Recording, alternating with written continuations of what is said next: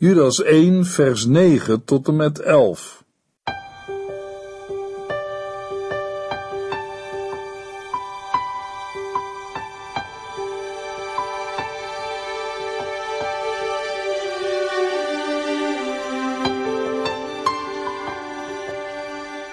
Hartelijk welkom bij De Bijbel Door, een programma van Transworld Radio.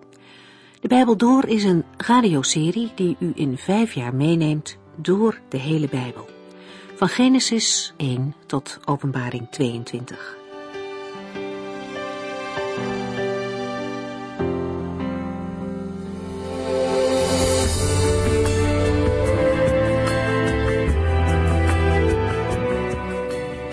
Vandaag lezen we ook weer verder uit de brief van Judas.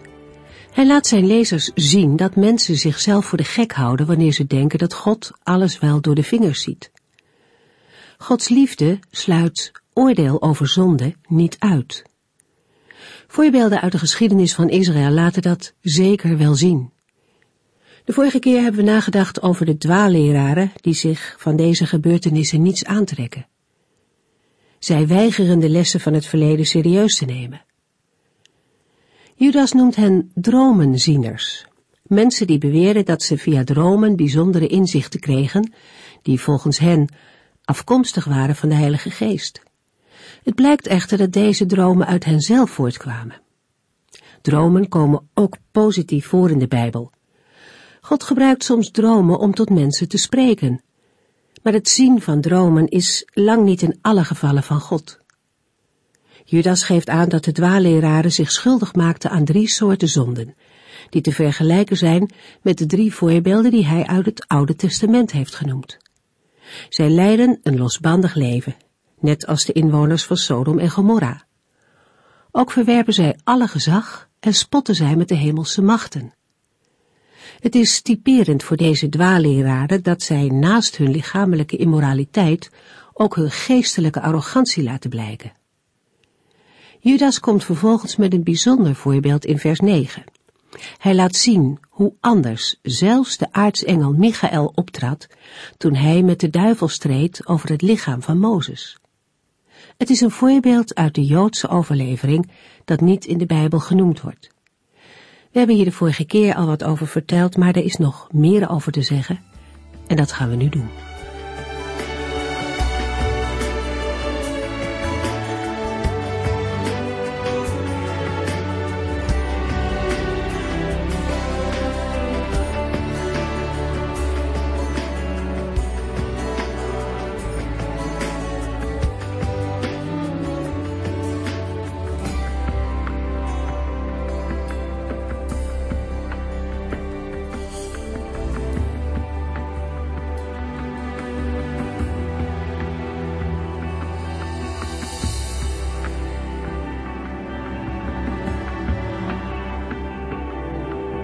De vorige uitzending sloten we af met het lezen van Judas 1, vers 9, waar we lazen: Wat een verschil met Michael, een van de voornaamste engelen. Toen die met de duivel streed om het lichaam van Mozes, durfde hij de duivel niet te veroordelen of te beledigen. Hij zei alleen: De Heere zal je straffen. De geschiedenis waaraan Judas in dit vers refereert, is afkomstig uit de Joodse overlevering. Het is een geschiedenis die bij Judas en de lezers van zijn brief bekend is. Wat we in vers 9 lezen, is een voorval dat nergens in de Bijbel wordt genoemd. In Deuteronomium 34 vinden we wel een mededeling over de dood van Mozes, maar verder geen informatie over de gebeurtenis waar Judas het over heeft. Judas maakt gebruik van een apocryf geschrift over de hemelvaart van Mozes. Het geschrift vertelt dat Mozes onmiddellijk na zijn dood in Gods aanwezigheid werd gebracht. Twee andere gelovigen uit het Oude Testament werden ook in Gods aanwezigheid gebracht. Alleen zij werden er voor hun dood heen gebracht, namelijk Henoch en Elia. Mozes en Elia verschenen ook bij de verheerlijking op de berg in Matthäus 17, waar de Heer Jezus samen met drie van zijn leerlingen naartoe was gegaan. Een gedeelte van deze informatie hebben we te danken aan een aantal kerkvaders die het geschrift over de hemelvaart van Mozes noemen. Er zijn gedeelten van het geschrift teruggevonden, maar niet het stuk waarin het verhaal voorkomt, waarop vers 9 betrekking heeft. Verschillende Bijbeluitleggers geven de volgende reconstructie. De duivel wilde het lichaam van Mozes hebben, omdat ook Mozes een zondaar was, en daarom de dood als straf op de zonde moest ondergaan. Het Oude Testament zegt over de gebeurtenissen rond het lichaam van Mozes alleen, en de Heere begroef hem in een dal bij Bet Peor in Moab. Dat de aartsengel Michael het lichaam van Mozes verdedigde, komt vanwege zijn bijzondere bemoeienis met het volk Israël. Bovendien zijn Michael en zijn engelen degene die tegen de draak en zijn engelen vochten en hen uit de hemel wegjagen. Maar de aartsengel Michael eigende zich niet het recht toe een oordeel uit te spreken over de duivel. In dat licht is het arrogant en hoogmoedig als sterfelijke mensen, de dwaalleraars, dit wel doen en machten in de hemelse gewesten lasteren, zelfs wanneer dat gevallen engelen zijn. De aartsengel Michael heeft het oordeel overgelaten aan God met de woorden: De Heere zal je straffen. Lucifer, die later Satan, duivel en lasteraar wordt genoemd, was een schepping van God en kennelijk het hoogste schepsel dat de Heere heeft geschapen, totdat er kwaad in hem werd gevonden. Dat kwaad wat in hem kwam, was dat hij trots en hoogmoedig werd tegenover de Heere. Hij wilde als God zijn en niet afhankelijk. Hij dacht feitelijk dat hij God kon onttronen, voor zover het onze wereld betreft. Maar de Heere heeft de opstand in de hemel toegelaten. Satan gelooft dat hij een gedeelte van Gods geschapen universum zal kunnen veroveren en erover kan heersen. Maar niets is minder waar. Er is maar één heerser over alle dingen. De aartsengel Michael brengt in de praktijk waartoe Paulus in Romeinen 12 vers 19 de gelovigen oproept. De apostel roept de gelovigen op niet voor eigen rechten te spelen of geleden onrecht te vergelden. Het is een vermaning die voornamelijk de relatie tot de vijanden betreft. Paulus weet hoe moeilijk het is om het gevoel verongelijk te zijn los te laten. De apostel wijst de gelovigen erop dat zij door de Heere geliefd zijn, en de Heere zal het geleden onrecht, de doorstane pijn verzachten en vergelden. In plaats van zelf de vergelding ter hand te nemen, krijgen de gelovigen de opdracht Laat dat maar aan God over, want Hij heeft gezegd: Mij komt de wraak toe, ik bepaal de straf voor alle zonden. Zoals uit het vervolg van Romeinen 12 blijkt, moeten gelovigen hun rechtsgeding overgeven aan God. Hij zal eens de mensheid rechtvaardig oordelen. In 1 Petrus 2 vers 23 schrijft de apostel Petrus over het voorbeeld van de Heer Jezus. We lezen er, als hij beledigd werd, zei hij niets lelijks terug. Als de mensen hem pijn deden, dreigde hij niet het hun betaald te zetten. Hij liet het allemaal over aan God, die rechtvaardig oordeelt. De toorn van God is een directe verwijzing naar het eindoordeel van de Heere God. In Romeinen 2, vers 2 tot en met 11 lezen wij. Wij weten dat God rechtvaardig oordeelt. Hij geeft ieder die zulke slechte dingen doet een rechtvaardige straf. Of denkt u misschien dat u, die anderen veroordeelt voor dingen die u zelf ook doet, Gods straf zult ontlopen? Bent u dan niet blij dat God zoveel liefde toont en trouw en geduldig is? Begrijpt u niet dat hij zo lang met zijn straf wacht om u de kans te geven met de zonde te breken? Maar nee, u blijft hardnekkig weigeren uw leven te veranderen. Het is uw eigen schuld als de toorn van God u treft op de dag van het rechtvaardige oordeel. Wanneer Hij de wereld oordeelt, zal Hij ieder geven wat hij verdient. Hij geeft eeuwig leven aan hen die geduldig de wil van God doen, op zoek naar de glorie en eer en het leven dat nooit eindigt. Anderzijds zal hij zijn strenge straf laten neerkomen op hen die alleen maar aan zichzelf denken en die, in plaats van zich aan de waarheid te houden, onrecht doen. Wie liever kwaad doet, zal leed en ellende te verduren krijgen. Dat geldt voor iedereen, niet alleen voor de Joden, maar ook voor alle andere mensen. Maar ieder die het goede doet, zal door God worden verhoogd en vrede ervaren. Ook dat geldt niet alleen voor de Joden, maar eveneens voor alle andere mensen. Want God maakt geen onderscheid. De enige die een mens kan redden en bevrijden van het toekomstige oordeel van de Heere, is Jezus Christus. In 1 Thessalonicense 5 vers 9 en 10 lezen we, want God heeft ons niet bestemd om door hem bestraft te worden, maar om gered te worden door onze Heer Jezus Christus. Jezus is voor ons gestorven, om ons voor altijd met Hem te laten leven. Of wij bij Zijn terugkeer nu al gestorven of nog in leven zijn. Het eindoordeel van God zal voor degenen die niet gered en gerechtvaardigd zijn inhouden dat de toorn en straf van God hen werkelijk zal treffen. Ze zijn niet met God verzoend door de Heer Jezus Christus en daarmee zelf verantwoordelijk voor hun daden. Dat aan God alleen en niet aan de gelovigen het strafoordeel toekomt, laat Paulus zien aan de hand van een tekst uit Deuteronomium 32, vers 35. Namens de Heere zegt Mozes: Ik zal wraak nemen, ik zal het kwaad vergelden. Uit de context van Romeinen 12 blijkt dat van de gelovigen meer wordt verwacht dan dat zij zichzelf onthouden van wraak en uitzien naar de dag dat de Heere hun vijanden zal straffen. Judas 1 vers 10 Maar deze mannen spotten met alles wat zij niet kennen. Zij doen precies waar ze zin in hebben, net als dieren die hun instinct volgen en gaan daaraan dan ook te gronden. Door met maar deze mannen te beginnen, schept Judas een tegenstelling tussen het gedrag van Michael en dat van de dwaalleraars, die de hemelse machten wel durven te beledigen en te lasteren, terwijl zij hen niet eens kennen.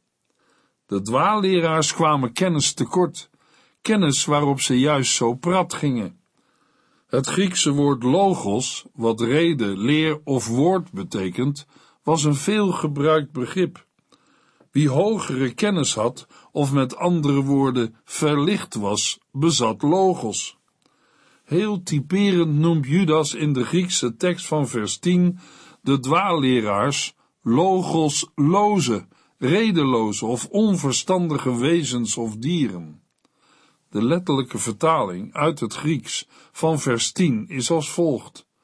Maar deze, hetgeen zij niet weten, dat lasteren zij. En hetgeen zij van nature, zoals de redeloze wezens begrijpen, daarin gaan zij te gronden. Soortgelijke woorden lezen we ook in 2 Petrus 2 vers 12, waar de apostel Petrus schrijft, deze zogenaamde leraren hebben niet meer verstand dan wilde dieren, die geboren zijn om gevangen en verslonden te worden.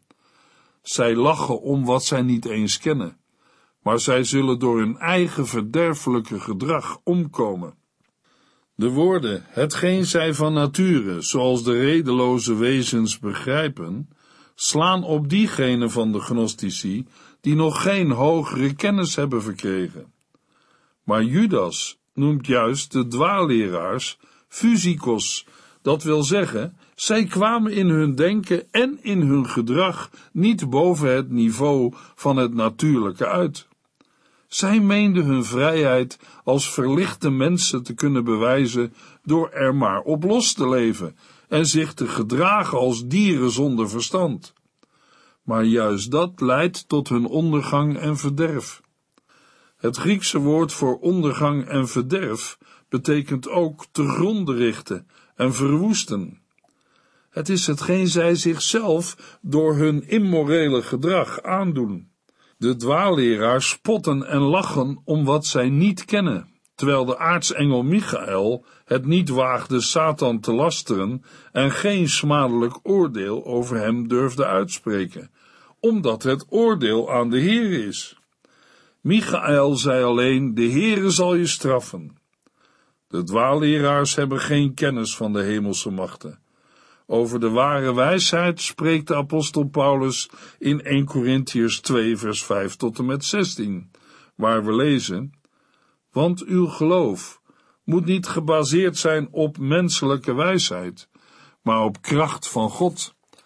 Wat wij zeggen is wijsheid voor de gelovigen die het begrijpen. Deze wijsheid is niet van deze wereld, noch van haar leiders, die eens ten val komen. Wat wij zeggen is Gods wijsheid, die tot nu toe verborgen is geweest. Voor het begin van de wereld had Hij zijn plan al klaar om ons in de heerlijkheid te brengen. De leiders van deze wereld hebben geen van alle ervan geweten, want anders zouden zij de Heer van de heerlijkheid niet aan het kruis hebben geslagen. Dat staat ook in de boeken. Wat niemand heeft gezien, niemand heeft gehoord en wat niemand ooit heeft bedacht, dat heeft God allemaal klaar voor hen die Hem liefhebben. God heeft het ons door de geest duidelijk gemaakt. Want voor de geest is niets verborgen, zelfs het diepste wezen van God niet. Zoals alleen de geest van een mens weet wat er in de mens omgaat, weet ook alleen de geest van God wat er in God is. Wij hebben niet de geest van de wereld ontvangen, maar de geest van God, om zo te weten wat God ons in genade gegeven heeft. Daarover spreken wij dan ook niet met menselijke welsprekendheid, maar met woorden die de geest ons ingeeft. Wij gebruiken dus de woorden van de geest om de gedachten van de geest over te brengen. Maar iemand die niet gelovig is, de natuurlijke mens, heeft geen oog voor wat de geest van God doet. Voor hem is het allemaal onzin. Hij begrijpt er niets van, omdat het alleen geestelijk te doorzien is. Met de geestelijke mens is het anders. Die kan alles doorzien, maar kan zelf op zijn beurt niet door de natuurlijke mens doorzien worden. Bovendien staat er in de boeken: wie kent de gedachten van de Heere? Wie zou hem raad kunnen geven? Wij hebben de gedachten van Christus. Maar de dwaalleraars komen, wat hun levenswijze betreft, niet boven de dieren uit. Ongeremd als ze zijn, volgen de dieren hun zinnelijke lusten. Het onvermijdelijke gevolg daarvan is dat zij daaraan te gronde gaan. Judas 1, vers 11. Het ziet er heel slecht voor hen uit. Zij volgen het voorbeeld van Kain, die zijn broer vermoordde. Zij zijn net als Biliam, die zich voor geld overgaf aan bedrog. Ze gaan Korach achterna, die tegen God in opstand kwam en dat met de dood moest bekopen. Met drie voorbeelden uit het Oude Testament wordt het wee over de dwaalleraars aangekondigd. In een andere Bijbelvertaling lezen we Wee hun, zij gaan de weg van Kain. Net als Biliam geven ze zich voor geld over aan bedrog. En net als Korach gaan ze aan hun opstandigheid ten onder. Ook op andere plaatsen in de Bijbel klinkt het wee u over mensen, waar wij het in eerste instantie niet verwachten. In Matthäus 23, vers 13 tot en met 15 zegt de Heer Jezus: Pas maar op, Bijbelgeleerden en Fariseeën, huigelaars, want u belet mensen het koninkrijk van de hemelen in te gaan. En zelf gaat u er ook niet in. De mensen die erin willen gaan, worden door u tegengehouden. U maakt de weduwen zelfs hun huis afhandig. En voor de vrome schijn zegt u lange gebeden op. De straf die u krijgt, zal daarom zwaarder zijn. U bent stuk voor stuk huigelaars.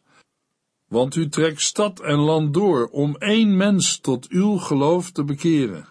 En dan wordt die wel twee keer zo slecht als u bent, klaar voor de hel.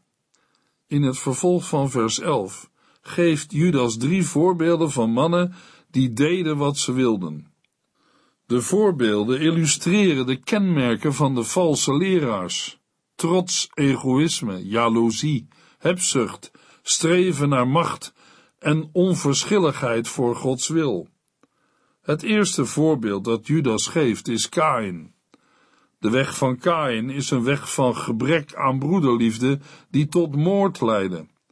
De Joodse overlevering zag in Kain vooral het voorbeeld van de ikgerichte en zijn lusten botvierende mens. Het zijn de mensen waarvan Judas in vers 4 schreef: zij beweren dat wij er maar op los kunnen leven. Daarin zijn de dwaalleraars de gelijken van Kain. Zij leven erop los en het ontbrak hun aan echte broederliefde, wat ook uit vers 12 zal blijken. Het tweede voorbeeld dat Judas geeft is Biliam. In eerste instantie lijkt Biliam in het Oude Testament positief te worden voorgesteld. Maar in nummer 31 wordt hij genoemd als aanstichter tot de afgoderij met Baal Peor, de Canaanitische god van de vruchtbaarheid, waarbij zinnelijkheid en losbandigheid een belangrijke rol spelen. In nummer 31 gaan Mozes en de leiders van het volk het zegevierende leger van Israël tegemoet. Ze kwamen terug van een strafexpeditie tegen de Midianieten, maar Mozes was woedend. We lezen in nummer 31, vers 13 tot en met 16. Mozes, de priester Eleazar en alle leiders van het volk gingen het zegevierende leger tegemoet. Maar Mozes was woedend op de legeraanvoerders. Waarom hebben jullie alle vrouwen in leven gelaten? vroeg hij boos. Ze zijn juist degene die de raad van Biliam hebben opgevolgd en de Israëlieten hebben aangezet tot afgoderij met Baal. Zij zijn de oorzaak van de plaag die zoveel duizenden van ons heeft gedood. Ook Petrus schrijft over Biliam in 2 Petrus 2 vers 15, waar Petrus over de dwaalleraars zegt, zij zijn van de rechte weg afgedwaald en volgen het dwaalspoor van Biliam, de zoon van Beor, die het niet erg vond iets verkeerds te doen, zolang hij er maar voor betaald werd. Ook in Openbaring 2 lezen we over Biliam. In Openbaring 2 vers 14 zegt de Heer Jezus tegen de christengemeente van Pergamum, maar er zijn enkele dingen die ik tegen u heb. U laat de volgelingen van Biliam onder u hun gang gaan. Biliam vertelde koning Balak immers hoe hij de Israëlieten ten val kon brengen, door hen vlees te laten eten dat aan de afgoden geofferd was, en door hen ontucht te laten plegen. In de gelezen Bijbelgedeelten komt het verdorven karakter van Biliam naar voren en wordt ook zijn geldzucht genoemd. Biliam profeteerde om geld, om persoonlijk gewin. Hij is daarom de vader van allen die uit zijn op ongebreidelde bezitsvermeerdering. Ook bij de dwaalleraars heeft geld een belangrijke rol gespeeld. De jacht naar materieel bezit is voor ons mensen een voortdurende bedreiging. De apostel Paulus schrijft in 1 Timotheus 6 vers 3 tot en met 10 over dwaalleraars en afvalligen. Misschien gaan sommigen er tegenin, maar vergeet niet dat dit het zuivere, gezonde onderwijs van onze Heer Jezus Christus is. Het is het fundament voor een leven dat Gods goedkeuring heeft. Wie iets anders beweert is verwaand en dom. Die heeft de ziekelijke neiging te willen bekvechten over de betekenis van de woorden van Christus. De gevolgen daarvan zijn jaloezie en ruzie, beledigingen en verdachtmakingen. Deze ruziezoekers hebben een zieke geest. Zij weten niet meer wat de waarheid is. Voor hen is het goede nieuws alleen maar een middel om geld te verdienen. Het leven met God brengt veel op, zeker als je ook tevreden bent met wat je hebt. Per slot van rekening hebben wij bij onze geboorte niets meegebracht, en als wij sterven, zullen wij ook niets kunnen meenemen. Als we ons kunnen voeden en kleden, moet ons dat genoeg zijn. Maar wie graag rijk wil worden, komt al gauw in verleiding en raakt verstrikt in de begeerte naar onnodige en verkeerde dingen en gaat tenslotte verloren. Want de liefde voor het geld is de eerste stap naar allerlei andere zonden. Sommige mensen hebben zich daarvoor zelfs van God afgekeerd en zich veel ellende op de hals gehaald. Het derde voorbeeld dat Judas geeft is dat van Korach. Hij kwam in verzet tegen Mozes en Aaron. In nummer 16, vers 3b tot en met 7 zegt Korach: U doet alsof u meer bent dan iemand anders uit het volk van de Heeren. Toen Mozes dit hoorde, wierp hij zich met zijn gezicht op de grond. Toen zei hij tegen Korach en zijn metgezellen: Morgenochtend zal de Heere bekendmaken wie van hem zijn en wie heilig is en hem als priester mag dienen. U, Korach, en alle die bij u zijn, moeten morgenochtend vuurpannen nemen, deze aansteken en er reukwerk op verbranden voor de Heere. Dan zullen wij weten wie door de Heer is aangewezen. Laat dat genoeg zijn voor u, Levieten. Uit het vervolg van nummer 16 blijkt dat Korach en de zijnen meer wilden dan wat de Heere hen had toebedeeld en opgedragen.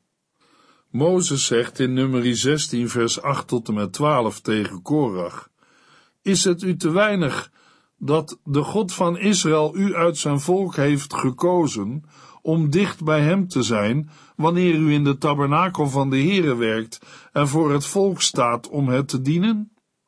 Is het u te min dat hij die taak alleen aan u als levieten heeft gegeven? Wilt u nu ook nog het priesterschap erbij hebben? Want dat is uw opzet. Daarom bent u opgestaan tegen de Heere. En wat heeft Aaron misdaan dat u ontevreden over hem bent? Toen ontbood Mozes Datan en Abiram bij zich, maar zij weigerden te komen. De gevolgen zijn desastreus. Het oordeel van de Heere komt over Korach, Datan en Abiram en allen die bij hen hoorden. Op gelijke wijze was er in de tijd van Judas opstandigheid in het hart van de dwaaleraars tegen Gods gezag en heerschappij. En dat kreeg zijn uitwerking in de menselijke verhoudingen, in het bijzonder ten aanzien van de leiders van de christelijke gemeente. De voorbeelden van Judas uit het Oude Testament illustreren de kenmerken van valse leraars. In de volgende uitzending lezen we Judas 1, vers 11 tot en met 13.